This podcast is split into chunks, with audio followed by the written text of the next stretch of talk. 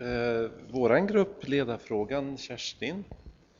Ja, vi har pratat, eh, ja, dels inledde Hans först lite om ledar, eh, ledarskap och ledaruppmuntran mycket.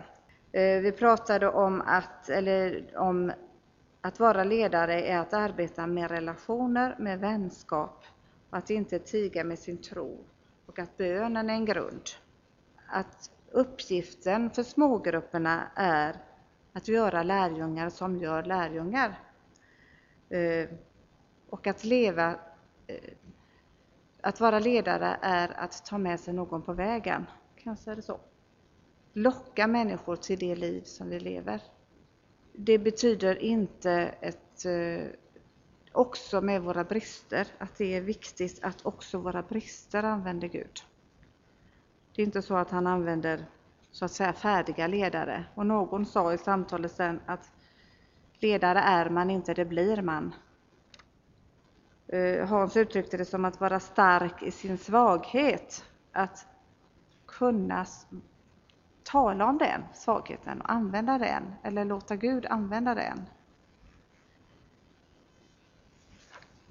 Och att det blir ett mönster, en modell att livet, eller sättet att leva, predikar. Ledarskapet innebär att tjäna och att undervisa. Och du pratade om att ni i era sammanhang brukade dokumentera vad Jesus gör, så att man skriver ner och berättar för varandra. Och det, för vi talar mycket om svårigheter och bedrövelser, men att dokumentera det vi ser det vi märker att Herren gör. Eh, pratar vi lite om vad det är för kvalifikationer en ledare ska ha. Ja, vi är de som vi är rustade, framför allt att vilja följa, vilja vara efterföljare.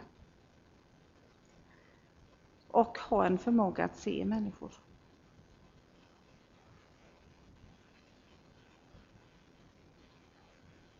Omsorgen om de som finns i gruppen och viljan att följa Herren. Och Hans uttryckte det så här att eh, säga Följ mig så som jag följer Jesus. Det var ledarens ledord. Följ mig så som jag följer Jesus. Det betyder inte att det ska vara ett perfekt sätt att leva, men ett efterföljelsens liv pratade vi om att det är bra att med delat ledarskap, att man är, Jesus sände ut lärjungarna två och två. Att vi tillsammans är ledare. Att vi hittar den som man ska lämna över till, som sen lämnar vidare. Och att man går den vägen tillsammans.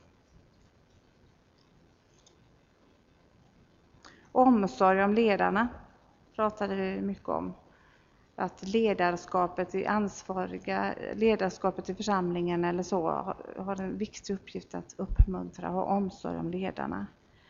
Men också att alla har ett förbönsansvar för ledarna.